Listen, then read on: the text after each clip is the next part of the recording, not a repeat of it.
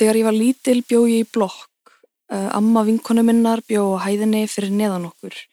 Ég fór oft ángað til að leika við vinkonu mína þegar hún var í pössun hjá ömmu sinni. Þegar ég var þar heyrði ég hversu hljóðbært var melli íbúðina í blokkinni. Ég gæti heyrt hlátur, tal og hljóð úr sjónvarpinu sem barst frá íbúðinni sem ég bjó í. Ef hinar íbúðunar í blokkinni gáttu heyrt í sjónvarpinu úr minni íbúð, þá gáttu þau öruglega heyrt mig gráta þegar mamma sló mig. Þau gáttu öruglega heyrt þegar hún öskraði á mig. Þau gáttu öruglega heyrt hvað ég grét og var hrætt þetta skipti sem hún sparkaði í mig aftur og aftur á ganginum í samegninni. Ég bjó í þessari blokk frá því að ég fættist og þar til ég fluttaði heimann. Ég þekkti alla nágrannana, leg mér við börnin þeirra og var sendt til þeirra til þess að fá lánaða mjólk.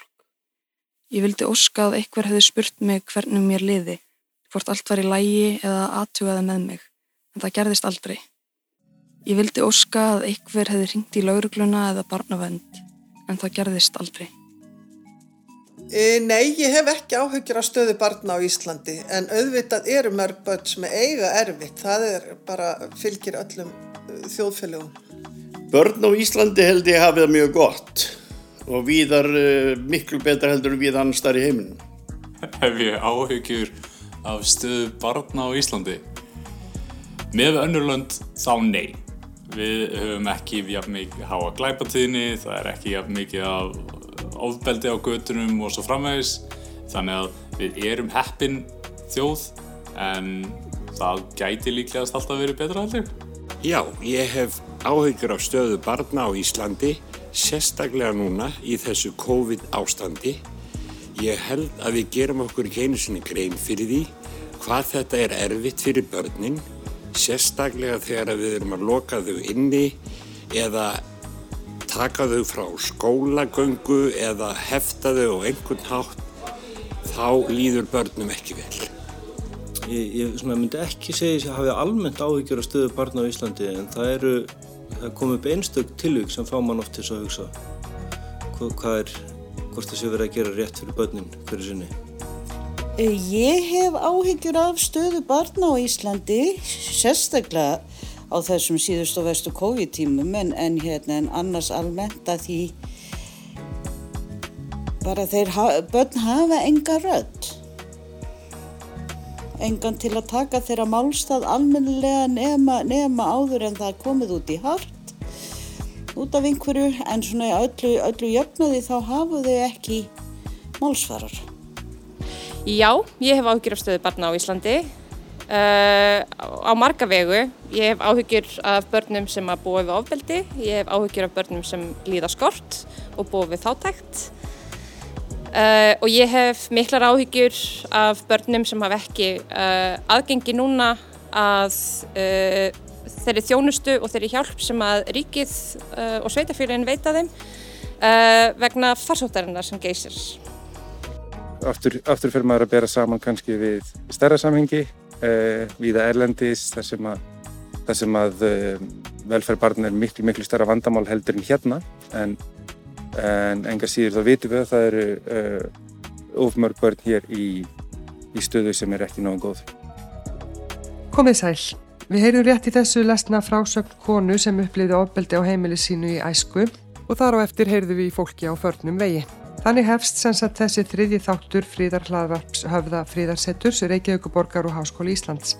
Hlaðvarpi er hluti af fríðardögum í Reykjavík 2020 en þeir eru haldnir árlega í oktober Undanfarin ár hafa verið haldnar alþjóðlegar ástefnur á fríðardögum en nú fer umræðan alfari fram á netinu. Undir yfirskriftinni er friðurinn úti. Þessi þáttur er í samstarfi við uh, UNICEF á Íslandi því við ætlum að ræða um þau sem okkur ber að venda alltaf, börnin okkar.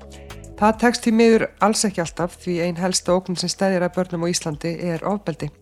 Sangat nýjistu tölum frá UNICEF á Íslandi sem eru frá árunni 2018 verða 16,4% barna hér á landi fyrir líkamlegu, andlegu eða kynferðislegu ofbeldi fyrir 18 ára afmælistæðin sinn, sum hver daglega. Þetta er um 13.000 börn. Það er eins og allur fjöldi barna sem býr í Kópavói og Akureyri samanlagt. Í þessum tölum er ekki meðtalinn vannraksla, andlegt ofbeldi, rafrænt ofbeldi e, eða einelti. Þá ríkir enn ákveðin leind yfir ofbeldi gegn börnum á Íslandi. Dæmin sína að mörg börn gera marga tilurinn til að segja frá ofbeldinu áður en nokkuð er gert. Sum deila reynslusinni aldrei með neinum. Að samaskapi sína fjölmur dæmi að almenningur, til dæmis nágrannar, ástvinir, kennarar eða vegfarendur bregðast ekki við þegar grunuleikur á að ofbeldi sér stað. Við heyrðum eitt dæmi í frásögninni hér áðan, þar að talað um barnið sem heyrði hvað var hljóðbært í húsinu sem hún bjó í þegar hún heimsótti nágrannar sína, nágrannar sína og áttaði sig þá á því að nágrannir vissu af ofbeldun heima hjá henni en brúðust ekki við. Áhrif koronavirunar eru veruleg. Tilkynningum til barnavendanemnda hefur fjölga á þessum tíma sem faraldurinn hefur geysað. Barnavendastofa hefur tekið saman tölur vegna fyrstu sex mánuða ársins og borið saman við 2018 og 2019 og leiðir sá samanbúri ljós verulega fjölgun og tilkynningum til barnavendanemnda um ofbeldi og vannrækslu. Við heyrum hér á eftir lesnar upp fleiri frásagnir uh, fólk sem að uh, varð fyrir ofbeldi á heimili sínu í æsku og upplifði eða upplifði uh, hérna ofbeldi á heimili sínu í æsku. En við ætlum fyrst að ræða við heiðu Björgu Pálmadóttur. Hún er frá Barnavendistofu, verður velkomin. Aðeins að fara yfir þessar tölur sem ég var að fara yfir hér áðan en fyrst langar mig aðeins tala um hvernig fólk getur hjálpa. Það er oft talað um sko fríðargæslu liðan í þessu samingi. Það er sem mikilvægi fullorðni einstaklingur Já. í lífi barna Já. sem við erum náttúrulega alltaf eigum að vera. Uh, hvernig getur fólk hjálpa og hvernig á fólk að hjálpa? Uh, fólk getur hjálpað með svo mörgum hætti og það er eins og þú segir það geta allir hjálpað. Uh, við getum bara haft augun opinn og fylst með því sem er að gerast í kringum okkur eins og frásögnin sem þú vísar til þar sem að nágrannar heyra óhljóður íbúð, grát eða köll að, að láta sig það varða, að beita sér. Barnavendanemndirnar eru með bakvæktir allan sólarhingin, það er alltaf að hafa sambandi gegnum 1-2 uh, og tilkynna þegar að heyrast svona hljóð eða þú sér barn sem er með áverka eða eitthvað slíkt og þeir sem að er í samskiptum með börn að gefa sig að þeim, spjalla við þau, heyra í þeim. Oft eru börn fljóta að opna sig þegar þau finna að fullornir einstaklingar eru tilbúin að hlusta og þá skiptur svo miklu máli að það bara greinir frá einhverju óeðlilegu að við bregðumst við hver og einn einstaklingur uh, kerfið og bara samfélagi. Hvernig er þetta standa á því að fólk hafa ekki samband bara um leið og grunur vaknar? Það eru rúglega margar skýringar. Fólk vil kannski ekki vera að rapa álíktunum, uh, heldur kannski að það séu aftúlka Og auðvitað er það þannig að það er ekki allar tilkynningar sem berast badnavendin og raukum rekstar en það er líka allt í lægi að því það er hlutur badnavendarinnar að rannsaka málið, skoða gerðist eitthvað, hvað gerðist og bregðast svo við með réttum hætti. Uh, almenningur á ekki þurfa að vera einhvers konar rannsóknarlaurugla og vera alveg fullvísi sinni sög áður en hann hefur sambandi badnavendina. Það er hlutur nefndarinnar eða badnavendar hefur valda að komast að því hvað gerðist. Önnur ástæðar kannski líka svo að fólk heldur að ef það greinir, talar við barnavendin og talar um líklegt óbeldi að þá séu viðbröðun alltaf svo að barni sé tekið af heimilinu og þetta sé gott fólk sem að kannski gerir mistök en það er ekki þannig að, að börn séu alltaf fjarlag sama hvað gerist. Sem betur fyrir er alltaf hægt að hjálpa. Uh, barnavendanemdin hefur fyrst og fremst að hlutverk að styðja við fjölskylduna, bæta uppbyldis aðstæður, ebla uh, fórildra í sinu uppbyldis hlutverki því að oft eru góðir fóreldrar að gera mistök. Uh, fólki þykir vantum bönni sín og vil gera rétt og vil gera vel en kannski missur tökinn en þá eru tækifæri til að bæta sig uh, bæta þekkinguna og, og svona bjargráðin og það er það sem batnavendin gerir. Og tölunar tala sínu máli. Við erum að fara yfir hér áðan. Þetta eru hvað 13.000 börn. Og þá eins og ég sagði hérna áðan þá er ekki verið að tala um sko vannrækslu, andletofbeldi einelti, rafrænt ofbeldi. Um, þetta er þá líkamlegt ofbeldi.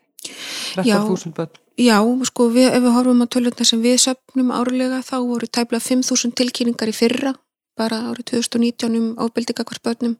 Það getur verið sálrænt eða tilfinningalegt þar með talið er heimilisofbeldi líkalegt ofbeldi og kynferðisofbeldi. Þetta er náttúrulega mjög háar tölur og miklu herri tölur heldur um við viljum einhvern veginn horfast í augu við. Uh, en sem betur fyrr er þetta þá mál þar sem er haft samband og það er tilkynnt mm -hmm. Þetta er þessir hlaðvarpstættir uh, í tilfæðinu þessara fríðadaga við höfum verið að horfa svolítið inn á heimilin inn í skjólið uh, bæði út frá kynbundnu ofbeldi og núna eru það börnin. Myndið þú segja með allar þessar upplýsingar sem þú hefur að það ríki friður á Íslandi? Ekki öllum heimilum, nei. Ég held að það sé alveg óvægt að fullir að það.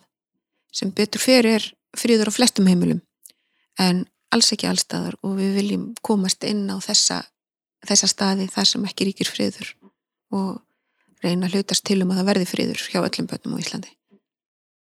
En bara vitandi það að sko það er ófriður einhver talaði reynlega um víguvöllin á heimilum og uh, sko það bara þetta hugtak að það sé friður á Íslandi þegar það eru víguvellir víða. Sko, hvernig fer þetta bara með sko, bara þjóðarsáluna? Við vitum það að, að ofbeldi sem verða fyrir eða upplifa inn á heimili hefur að geta haft gríðarlega áhrif á börn. Uh, og við vitum það að á rannsók, rannsóknir sem hafa verið að byrtast á síðustu árum sín okkur að heili barna þroskast öðruvísi ef þau upplifa ábeldi eða verða vitnað ábeldi og þá þroskast heili batna með sambarlegum hættu þegar verðum að rannsaka börn sem að hafa alist upp á átakasvæðum og stríðsvæðum. Það er svona á, áhugavert en um leið skjálfilegt mm -hmm. að átta sig á því og þetta sýnir bara mikilvægi þess að bregðast við og þetta sýnir líki mikilvægi þess að bregðast við þar sem er heimilisofbeldi af því það virðist sem svo að það að upplifa óbeldi á heimilinu hafi svipaðar afleðingar á börn og verða fyrir óbeldi sjálf. Þannig að þessi vývöldur getur verið sko beinst að börnunum beint eða óbeint. Mm -hmm. Er kerfið í stakk búið til að fylgja hverju einu máli vel og vandlega eftir? Ég kerfið bara verður að vera það og það er okkar hlutverk og okkar skilda að gera það og ég myndi ekki segja að kerfið að vera bugast auðvitað gæti við þurft viljað fá fleiri hendur og öflúri verkværi og það má alltaf gera betur en ég held að við eigum að vera fyllilega í statt búin til að styðja við þessi börn við höfum sem betur fer fullt á úrraðum sem að hægt er að nýta og beita. Tölum aðeins um COVID-19 uh, þannan faraldur. Þið eruð að sjá verulega áhrif fyrir að sjá fleiri tilkynningar. Já, við sjáum að heilt yfir eru til, verið tilkynningum vera fjölga tölvert uh, og þá sérstaklega tilkynningum sem varða vannregslu og ofbeldi gagvartbönnum og uh, þetta svo sem kemur okkur ekki óvart af því þegar að aðstæður sem þessar skapast í samfélagi sama hvað völdum þar verða þá uh, hefur það áhrif á uppbyldis aðstæður banna og þetta var það sem við spáðum fyrir þetta eru tölur sem við sáum erlendis frá og svo er þetta raungerast en við erum líka undir það búin og við vitum hvað á að gera og hvernig á að breyðast við. Þetta eru tölur frá fyrstu bylgu? Þetta er já, tölur frá fyrstu bylgu og svo er náttúrulega fyrir við að geta sapna saman tölur um, úr annari bylgu og þriðju bylgu mm -hmm. sem að verðist vera að hefjast. Mm -hmm. um, en við sjáum svo sem að það tölurnar lækkuðu lítið í sömur uh, en það tekur það líka stundum svolítið tíma fyrir tilgjengarnar að koma inn að, að hérna og sérstaklega eins og þegar skólanir lókuðu eða svona lókuðu mestu leiti mm mörg bönn voru mikið heima þá hefðu þau kannski ekki tækifæri til að segja frá svo fá kemur tækifæri þegar að samfélagið opnaðist aftur í vor og sumur Er kannski börn sem eru á þessum heimilum er, er skólinn þá kannski jafnvel skjólið þeirra? Já og maður heyrir það mjög oft að börn tala þannig að skó, skólinn er griðarstaður barna sem að eiga erfitt og búa við erfiðar aðstæður uh, Við, það er mjög slemt þegar skólar já, loka. Já, já, og þess vegna fannst manni sko, gríðarlega jákvæmt að sjá núna þegar að bylgja tvö fór á stað, hvernig það brúðist við og hvernig það er allt gert til að reyna að halda skólakerfinu í sem eðlilegastu mm. farvegi, að því að það skiptir börn alveg gríðarlega miklu máli að hafa þennan stað já. og þetta tækifæri mm. til að segja frá. Bræði lókum, hvaða úrræði eru fyrir börn? Það eru mörg úrræði fyrir börn. Uh, börn sjálf geta alltaf haft samband við einnið tvo ef að þeim líður illa, það er einhver vondur við þau, það er eitthvað ekki eins og það að vera. Mm -hmm. uh, hvort sem það er eh, ófriður á heimilinu og bildika hvert þeim eða, eða fullortum á heimilinu öðrum börnum. Uh, þau fá ekki að borða eða það er eitthvað sem er ekki eins og það að vera þá getur þau alltaf haft samband. Mörg sveitarfélagana eru komin með svona tilkynningar nappa á netið. Mm -hmm og við veitum að börn eru mikið á netinu, sérstaklega þau sem eru annars eldri. Uh, þau geta líka alltaf sagt einhverjum fullornum frá. Uh, og það er mikilvægt að börn læri það frá upphafi. Að tala við fólk sem það treystir sama hvort að það er fóreldri vina, einhver í skóla, einhver í frístundamheimili eða, eða slíkt. Það er alltaf einhver sem er tilbúin að hlusta. Bara rétt, það er hérna, mikilvægi barnasáttmálans og lögfestingar hans og eins líka sko hvernig barnavendin hefur tekist á við sko þann fjölbreytileika barna sem er, er staðreind á Íslandi. Já, uh, barnasáttmálin ég held að í kjölfar þess að hann var fullgiltur á Íslandi og, og viða Erlendis og, og svo lögfestur fyrir rúmum sjö árum síðan það varð svona hljóðláð bylting, bylting sem við tókum ekkert kannski eftir mjög mikið en við sjáum það bara áhrifans eru gríðarleg á því hvernig við tölum við börn, hvernig við hugsum um börn, hvernig börn eru sífælt að verða sjálfstæðari einstaklingar með sjálfstæðréttindi í okkar huga fullarna fólksins. Uh, bara hvernig úrræði hafa verið að breytast með, með þá fókus á börn og þeirra rattir og ég held að við séum bara rétt að byrja þessa byltingu í raun og veru og áhrifin verði muni við horfum kannski aftur og bakk eftir hundrað ár þá verður mjög fröðulegt að taka út þennan tíma sem við lifum. Já, þannig að þú ert vongóð. Ég er mjög vongóð, já og ég held að barnasáttmálinn sé frábært tæki til að nota og við eigum að vera meðvituðum hann í öllum okkur störfum af því að og við sem vinnum við börn eigum bara hann á að vera alltaf, hann er okkar biblía. Ég mitt. Heiðabjörg Pálmadóttir frá Barnendistofu, takk fyrir komin á spjalli. Takk fyrir.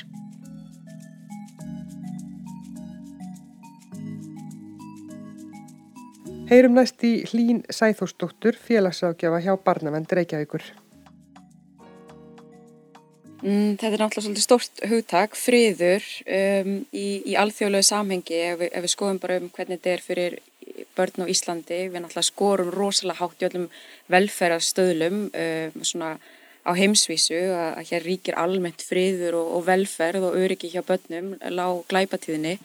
Uh, en því miður inn á sum heimilum þá eru átök sem, sem börn uh, verða vitni af og þegar að tala um ofbeldi hvert börnum þá getur það uh, sko út frá barnavendasjónarhóttinu þá erum við að skoða andlegt ofbeldi, við erum að skoða líkanlegt ofbeldi, kynfyrirsofbeldi og sérstaklega þegar að hugsa um frið inn á heimili þá er náttúrulega heimilsofbeldi mjög stórt þar og í raun og verum á að segja að, að þegar að ríkir til dæmis heimilisofbeldi eða börn verða fyrir ofbeldi eða, eða vittna ofbeldi inn á heimilum að þá ríkir ekki friður á því heimili og þau börn búa í ástandi sem er í raun og veru pínu eins og bara strísástand fyrir þau og, og þannig að þeirra veljan. Það er hægt að tilkynna, það getur allir tilkynnt um það leikur grunur, þú þarfst ekki að vera með staðfestan grun, þannig að ef þú hefur bara til dæmis hefur á tilfinningunni að eitthvað badd verði fyrir ofbeldi eða verði vittna af ofbeldi, þá er hægt að tilkynna og fyrir eftir í hvað sveitafélag býr en þú tilkynni þá til þess sveitafélag sem barni býr. Til dæmis ef það er Reykjavík þá er það að hafa samband við barnavend Reykjavíkur bæði í gegnum tölvupost og í gegnum síma. Ef einhvern grunar að barn sé að verða fyrir áfbyldi, barn eða úlingur, einhver undir 18 ára aldri þá er alltaf að tilkynna það til hvers sveitafélags og það þarf þá að tilkynna til þeirra barnavenda nefndar sem að, að þarna í því sveitafélag sem barni býr Uh, til dæmis ef þetta er Reykjavík þá er hægt að senda tölvupost á, á barnavend Reykjavíkur eða það er hægt að ringja og tilkynna máli þannig. Sko þau úrreði sem eru til staða fyrir börn sem búa við ofbeldi þau eru svolítið mismunandi af því eins og ég segi börn sem að verða vittni af heimilsofbeldi til dæmis mellir fóreldra það er skilgreint sem uh, andlit ofbeldi gagvart börnum. Þannig að í svoleiðis aðstæðum þá myndum við kannski fara með fóreldrin sem verður fyrir ofbeldi til dæmis eins og í hvernat hverðið eitthvað svoleiðis. Um, en svo eru líka börn eru stundum vistuð utan heimilis þá bara tímabundi á meðan sé að vera að leita lausnara málum og það eru þá annarkvort getur verið tímabundi fóstur eða fara á, á svona vist heimili barna eða úlinga þetta er, er þannig að það er úrræði og hvert sveitafélag ábyrð á það að vera með eitthvað skonar uh, vistunarúræði fyrir börn eða fósturúræði fyrir börn sem þarf að taka af heimilum í ykkur tíma meðan að vera að vinna málið, tryggja öryggi batsins. Þannig að það er á að vera heilt yfir fyrir bæði þessast erlend börn og Íslands börn. Sko varðandi mannabla og bara svona allt sem þarf í barnavenda vinslu ef við hugsim út af það. Þetta eru oft mjög uh, fjölbreytt mál og, og þau eru ólík og það er marg þættu vandi. Þannig að það gefur alveg auðviljósað þegar verður til dæmis uh, aukningi tilkynningum og þá þarf fleiri hendur að vinna og þá þarf fleiri úrræði. Það er erfitt að segja hvort sér nægur mannaflega fyrir náttúrulega eftir, nú get ég bara að tala fyrir okkur í, í þarna barnavend reykjaugur, það sem við upplifum til dæmis í COVID að það var auknar tilkynningar og, og ekki, en ekki aukin mannskapur í kringum það að þá fann maður fyrir þá var erfitt að ná utanum þetta allt saman. Fyrst og fremst uh, gekk allt út af það náttúrulega bara að tryggja öryggi barnana fyrst og fremst. En við gerum svo margt annað heldur en bara það. Við erum líka að passa okkur að, að börn og, og fjölskyldunar fá það þjónustu sem að þurfa hvort sem það sé til dæmis meðferð og úræði fyrir fóreldra, e, sálfræði tíma fyrir börn og eitthvað svoleiðis. Og í raun og veru það sem gerist eins og í COVID og, og svo leiðis að það er mikið af stopnum sem lokar eða það verður uh, minni þjónusta. Og það bytnar náttúrulega á nótandum og það bytnar á þessum fjölskyldum sem að stóla á þverfaglega þjónustu í samfélaginu. Um, og þegar það gerist að þá var að mæða meira á okkur því við náttúrulega lokuðum ekkert og munum ekki loka þóttu sér COVID gerum ákvæmna rástafanir en það gerir þetta klárlega aðeins erfiðara allt saman. Var að mæða meira á okkur því við náttúrulega lokuðum ekkert og munum ekki loka þótt þessi COVID gerum ákvæmna rástafanir en það gerir þetta klárlega aðeins erfiðara allt saman. Það eru mörg verkefni hjá Barnaðum Reykjavík, eitt af þeim stærstu núna sem er í gangi, það er alltaf fyrst og fremst náttúrulega að tryggja öryggi barna, líkamlegt öryggi og að það sé sagt að búi við sem sagt uh, að þessi hugsa vel um þau, uh, verða ekki fyrir vannrækslu, ekki fyrir ofbeldu eitthvað svo les. En það sem er líka núna í gangi á batnaðan Dreykjavíkur það er það að það vera að setja stað nýtt heimi sem er hugsa um að úrræði og þjónustu fyrir, fyrir fjölskyldur og erlendum uppruna og líka að fókusra á, á heimilsofbeldi og svolítið svona sérhafa þessi í bæði málefnu útlendinga og svo málefnu sem snúa að, að heimilsofbildinu. Þannig að þetta er svona stór verkefni sem eru núna hjá banna. Ég bjó í stanslu sem óta fyrstar lífsmýns en án þess að vita. Þetta lítið til þess að ég er nú með áfallast reytir öskun. Ég brotna niður ef ég heyri hurðum eða skápum skellast eða ef einhver hækkar ómunu um mig. Ég var alltaf öðru sem krakkar mínum aldrei og áttaði mig ekki á af hverju. Þegar ég fór að leika heima hjá öðrum krakkum fannst mér ekki eiga verðar heldur heimi á mér um fólöldur mínum. Ég mátti ekki koma um vini heim og ef ég gerða var þeim hendt út fyrir mat og pappi tala ekki við mig restna á kvöldinu. Ef ég fyrir út á kvöldin þá þurfti ég að vera komin heim mjög snemma og ef ég gerði það ekki held hans reyfið mig. Þegar ég fór eitthvað út, skóla, æfingar eða hitta vinn mína þurfti ég að vera vissum að öll ljós var slögt og allir klukkar og hurði var að læstar. Eitt morgunin fór ég í skólan eftir að fólður minni fór að vinna og átt að læsa hurðinni og setja kerfið í gang. Ég var sein í skólan að dreyma út og setti ekki kerfið í gang en læsti hurðinni. Hurðin var læst. Þennan dag fóru til ömmu minnar eftir skóla eins og svo ofta áður og svo æfingum kvöldið. Mamma var að vinna fram eftir. Pappi sækjum á æfingu og fyrir með mig heim. Þegar við komum heim opnar hann hurðina og gengur inn til að slökka kerfinu. En kerfið var ekki á. Hann bendi mér á að kerfið hafa ekki verið á og ég frýs. Mér langar að hverfa. Mæði minn herpið saman. Hann starri augun á mér og snýr sér við og fyrir inn í herbyggi sitt. Ég lappa hægt inn í mitt en slóðlegu get þannig að hann kom ekki fram. Ég heyr hann svo öskrandi í hinu herbyggni símanum. Stuttu setna hættir hann öskra og kallar á mig. Ég fyrir ekki út í herbygginu og segi já.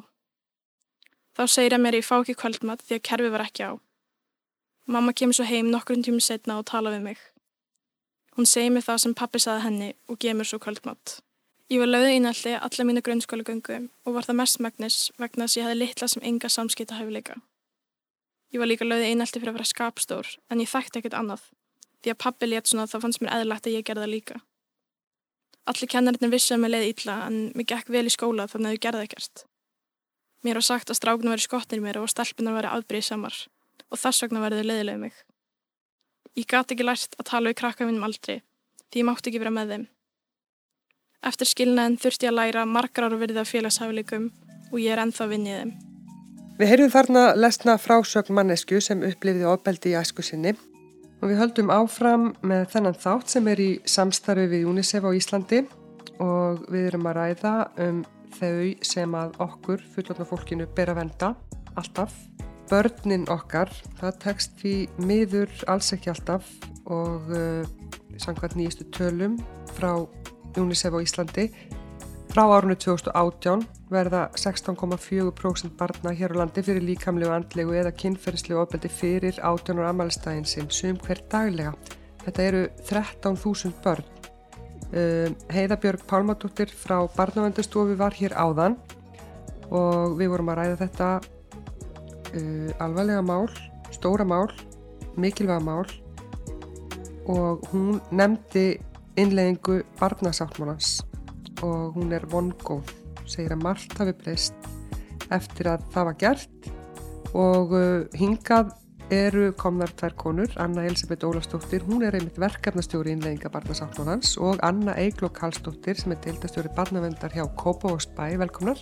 Anna Elisabeth, verkefnastjóri innleggingar barnasáttmálans, segð okkur aðeins frá því hvernig sko í rauninni líf barna getur breyst í reynd með innleggingu barnasáttmálans, sérstaklega þeirra sem búa við ofbeldi. Eh, ég held að með innleiðingu barnasáttmála sem er náttúrulega mjög stort og umfangsmikið eh, hérna, skjál eða lögu mannréttindi barna að með því bara það að vekja aðtikla á málinu, fjalla um það aftur og aftur, bæði meðal foreldra, starfsmanna, barnana sjálfra, það eitt og sér er bara ákaflega mikilvægt, síðan er hægt að fara auðvitað í einstakar greinar barnasáttmálans þar sem við erum jú með nokkrar eh, fjórar svona grunnstóðir en einn svona finnst mér kannski vera lang mikilvægust er það að við gerum ávalt það sem er barni fyrir bestu. Og, og þetta er og síðan tóltagreinin sem er að við viljum hlusta á börn. Þannig að e, bara með því að fara á fjallum þetta e, bæði meðal barnana e, og, og annara fullorðina þá erum við komin vel á veg það er sagt mikilvægt að börnin þekki sáttmálan líka. Það er mjög mikilvægt að þau þekki rétt sinn en það er líka mikilvægt að, að fullornir þekki barnasáttmálan og þekki skildur sínar gagvart börnum eins og til dæmis að, að láta það, láta vita ef, ef að fullornir verða varir við eitthvað og þeim ber skilda til þess að gera það. Það er líka kannski meiri líkur á því að þeirra börn þekki rétt sinna það séu meiri líkur á því að þau láti vita?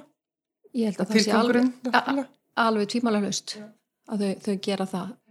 Þannig að, en svo þurfum við þetta bara að, að vinna mörgum öðrum þáttum, við þurfum að fylgjast með lífsgæðum barna, með eh, rannsóknum og könnunum. Og eh, við höfum sett upp hjá okkur í Kópavogi mælaborð sem er með eh, um 80-90 mæli, mælingum, þannig að við fylgjumst vel með líðan barnana og þar sem við sjáum að við erum ekki að standa okkur nógu vel þá þurfum við að skoða hvað getum við gert betur hér. Já, hvernig mælið þið líðan? Eh, þetta er, eh, við erum með mælaborð sem byggjar á fimm vítum sem eru eh, byggja á grundvallastóðum barnasáttmálans þar sem eru að fylgjast með mentun þeirra til dæmis þáttöku þeirra í skólanum fáðu tækifæri til þess að hafa áhrif á íþrótastarf hafaðu, fáðu tækifæri til þess að hafa áhrif e, í samfélaginu spurjum við börnin hvar á að setja upp næsta íþróttavöll hvernig ætti hann að líta út. Þa, það er þessir þættir sem dæmi, svo auðvitað þurfum við að fylgja svona með þeirra andleiru líðan, geðheilbreyði, rannsóknur og greining, skólavóg og fleiri aðilar er að mæla e, þetta reglulega. Þessu söpnum við saman inn í okkar mælaborð og fylgjumst með þessu. Já, já. Þannig að þið eru svona með svona heldrarna sín, það er það sem þið stefnið að það er það sem við stefnum að til þess að byggja okkar aðgerðir og þá útdeilingu fjármags á því hvar líkur þörfin. Einmitt, Anna Eigló Kallstóttir, þú deildastöri barnavendar hjá Kópavóksbæ. Segðu okkur til að byrja með aðeins frá þessu sem heitir nappurinn. Já, nappurinn er sem sagt, eða kannski rétt að byrja greina frá því að öll grunnskólabötni í Kópói í 15-10. bekk eru með spjaltölfur og uh, stýrihópur barnasáttmálans fjallaði um hvernig við gætum sagt, náð betur til barna bæði þá barna sem að þurfa á aðstofa að halda en, en þetta var líka, hugmyndi var svo sem líka að þau getur komið alls konar ábendingum til skila bara um, um hérna, úrbætur í bænum og þess áttar. Um, svo kom COVID og það var svona áþreifanleg þessi, um, þessi nöðsin að geta, hérna, að þau getu látið í sér heyra. Og við byrjum á því að setja hnappinn á heimasíðuna sem að við svo sem vissum að er þið kannski ekki mjög árangusík því að börn nota ekki heimasíður sveitafélaga mjög mikið. Hvað segir þau? En, en heldum svo áfram með hugmyndina og það kom hugmyndum app sem að svo varði veruleik, varða veruleika og núna 11. september þá var sett sagt, nappur á spjáltölfur allara grunnskólanemenda hjá Kópáðsbæ. Og hvað, hvað gerist þegar grunnskóla barn ítur á nappin? Já, það var sem sagt, áður en, áður en nappur var settur inn var kynningarherrferð þannig að það voru gerð myndbönd bæði fyrir börn og foreldra sem kynntun nappin og virkni hans og til hvers hann væri og síðan var í skólunum dagana 10. og 11. september annarkvort jafningafræðsla eða fræðsla frá kennurum eða öðru fagfólki í skólana þar sem að hann var kynntur og myndböndin voru sínd og í kjálfæra því var svo nappurinn settur inn 11. september og þau hafa verið að nota hann síðan og ég tók í rauninu tölu núna frá 11. september til 21. 11 daga tímabil og þar hefur verið komnar 45 skráningar inn. Já, skráningar um hvað? Já, það eru uh, í rauninu 17 skráningar sem við fyrum ekki inn í. Þar sem þau eru bara próanhappin aðeins að hérna, stundum að skrifa bara brandara eða, eða hérna, pizzapöntun eða eitthvað slíkt. En bara æfa sig svolítið. En 28 sem við hérna, 28 börn eru búin að skrifa inn og það eru þau börn sem við tölum við. Og tilkynningar eða hjálparbeginirnar eru í rauninni mjög mísjafnar, þau eru allt frá því að þeim gengur ítla í einstökum námskreinum eru með prókvíða, hafa ágjörði að mæti skólan, eigi ekki vini eða verða fyrir einelti en svo eru tilkynningar um það sem þau eru að tilkynna um aðstæður sínar heimilisofbeldi, neysluforeldra sjálfskaða, vanliðan kvíða og þetta er allt komið inn á þessum 11 dögum. Þetta er kannski leið, leiðin í nútímanum til að ná til barna. Það er, það er nappur í símaði tölvu. Já, allavega þessi fyrstu dagar gefa mjög góða raun og við viljum líka fara með þetta áfram, börn nota mikið í dag til dæmis svona hljóðfæla tala sín á milli og senda og það er ein hugmynd sem er komin upp. Þannig að þróun á hnappnum verður sennilega þannig og svo eins þarf hann að þróast í þá átt að þau geti hérna sett hann í rauninni sett leiðbynningarnar á öll tungumál og þau fáið þau, þær leiðbynningar að þau geti skrifað á öllum tungumálum. Þannig að við erum ekki hægt en, en hann gefur góða raun núna já, fyrstu dagana. Og viðbröðin hafa þá verið, það þarf að bregðast hratt við þegar kemur inn þar sem þið metið alvarlega tilkynningu? Já, í rauninni eins og við erum að meta núna þá teljum við mjög mikilvægt að bregðast hratt við öllu.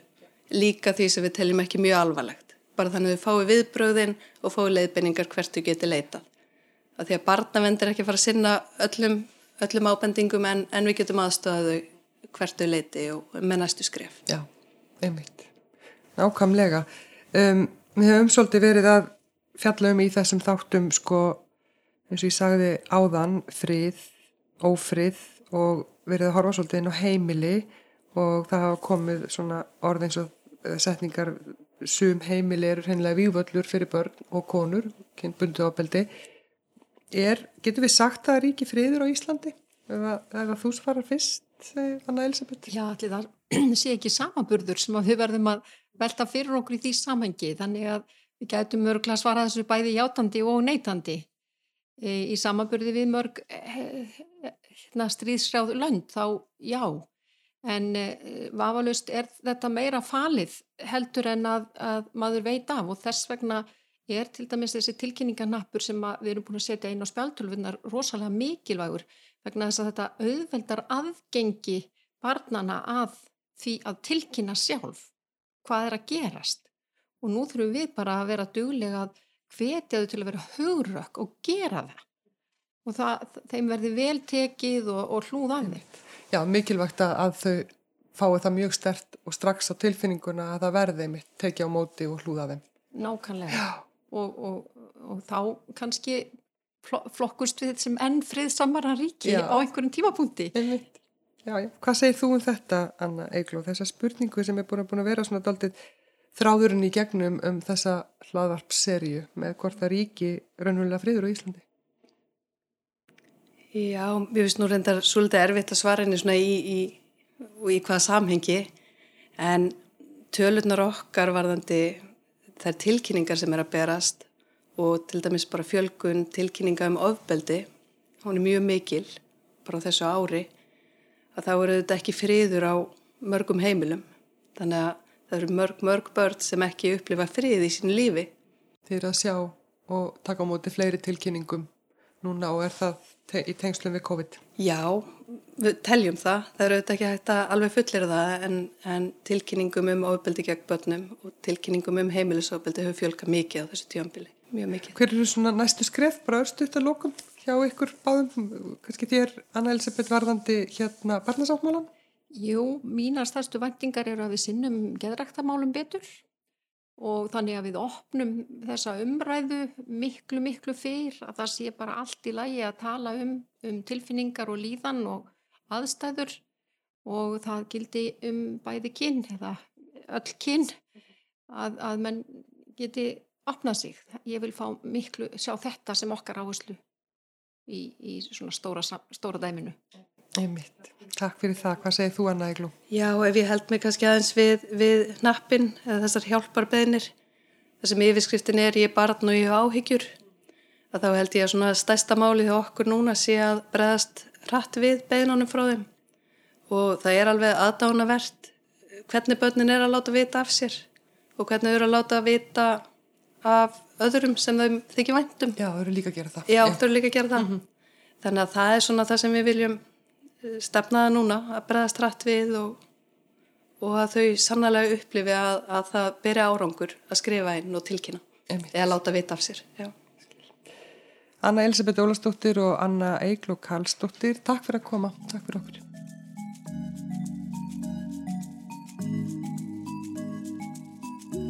Ég og litli bróður minn vorum alltaf góður og klári krakkar, en stjúpfæður okkar hataði okkur. Við vorum sett í hlutverkaleik á hverjum degi til þess að halda friðnum og mikilvægast var að fylgja reglunum. Reyði og fílistjórnun var daglegur hlutir þar sem hann hjælt okkur hættum með því að skella hurðum og skápum og oft heyrði við hann um hella sér við mömmu yfir hversu vondir krakkar vorum. Við vorum látið bjóðu góðan dag og góðan nótt þrátt fyrir að fá ekkert nema ískalt augnar að móti og starrandi augur sem fylgdi okkur hvert skref.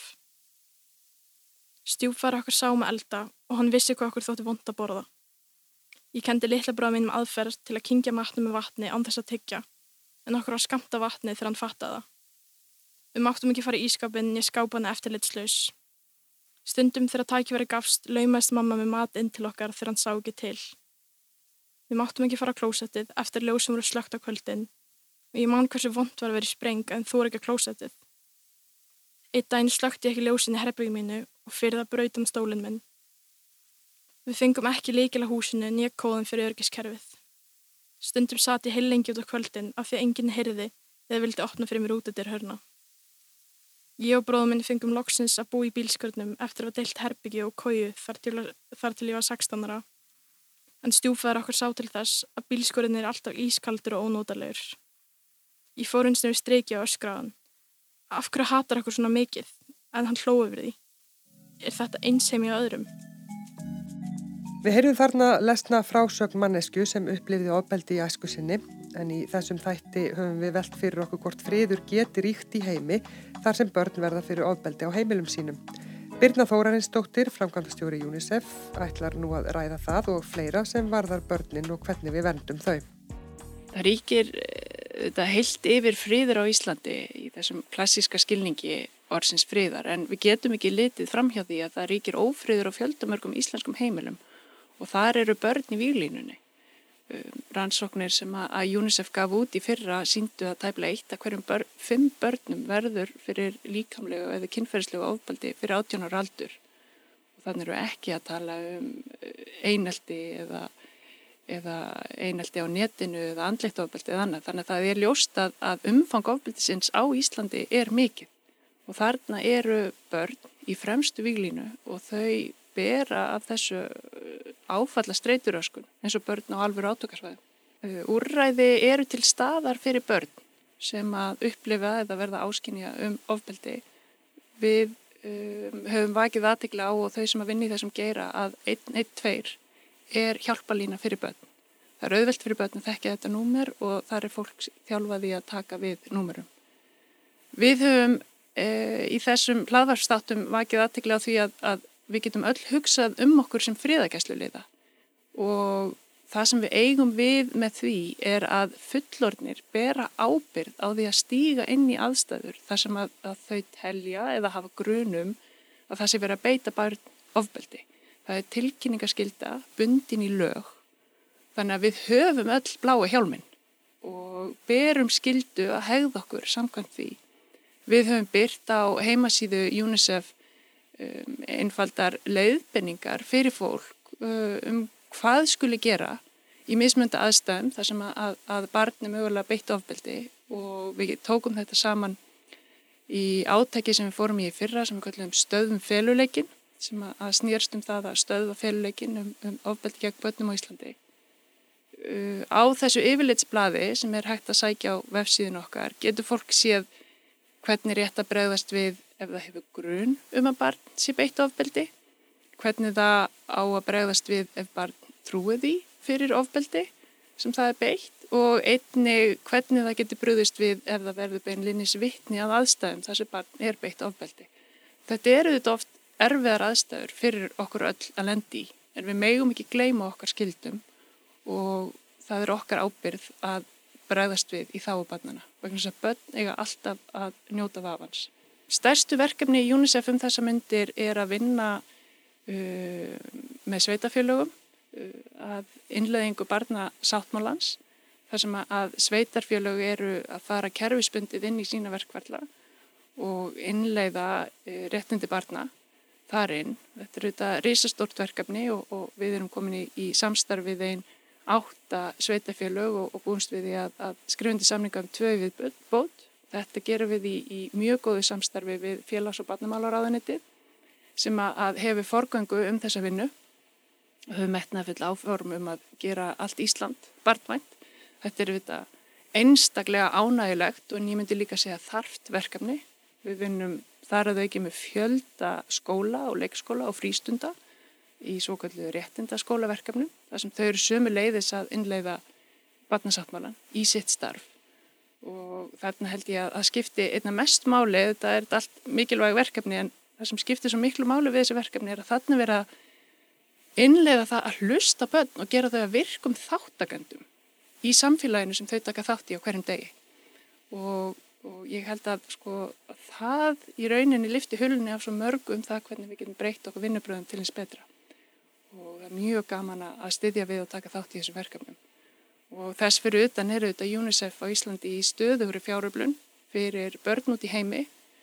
Um, og neyðin hefur líklega aldrei verið meiri en akkurat núna þar sem að neyðin vegna COVID bæti stofan á öll verkefnin sem að áður voru, sögum stríða, sögum hungursneiðar, uh, skortst á fungerandi ríkistjórnum og, og, og öðru slíks. UNICEF er alltaf til staðar fyrir börn, uh, samankoppi átar á með bólusetningar, mentun, uh, félagslegan og sálrænan stuðning og annað slíkt. Og allt þetta kostar auðvitað pening, þannig að hérna, við á Íslandi uh, leggjum okkur öll fram um að, að tryggja að stuðningurinn sem við söpnum hér á landi uh, skilir sér til þeirra sem þurfum mest ánum að halda. Þá er þriðja þætti fríðar hlárapsins lokið. Ein af likilspurningum næsta þáttar verður hvaða áhrif getur Ísland haft innan alþjóðakerfisins þegar kemur að því að spórna gegn ofbeldi á heimsvísu. Yfirskrift þáttarins er Rött Íslands á alþjóða vettvangi og hann er í samstarfi við Uttaríkisraðunitið og félag saminuði þjóðana.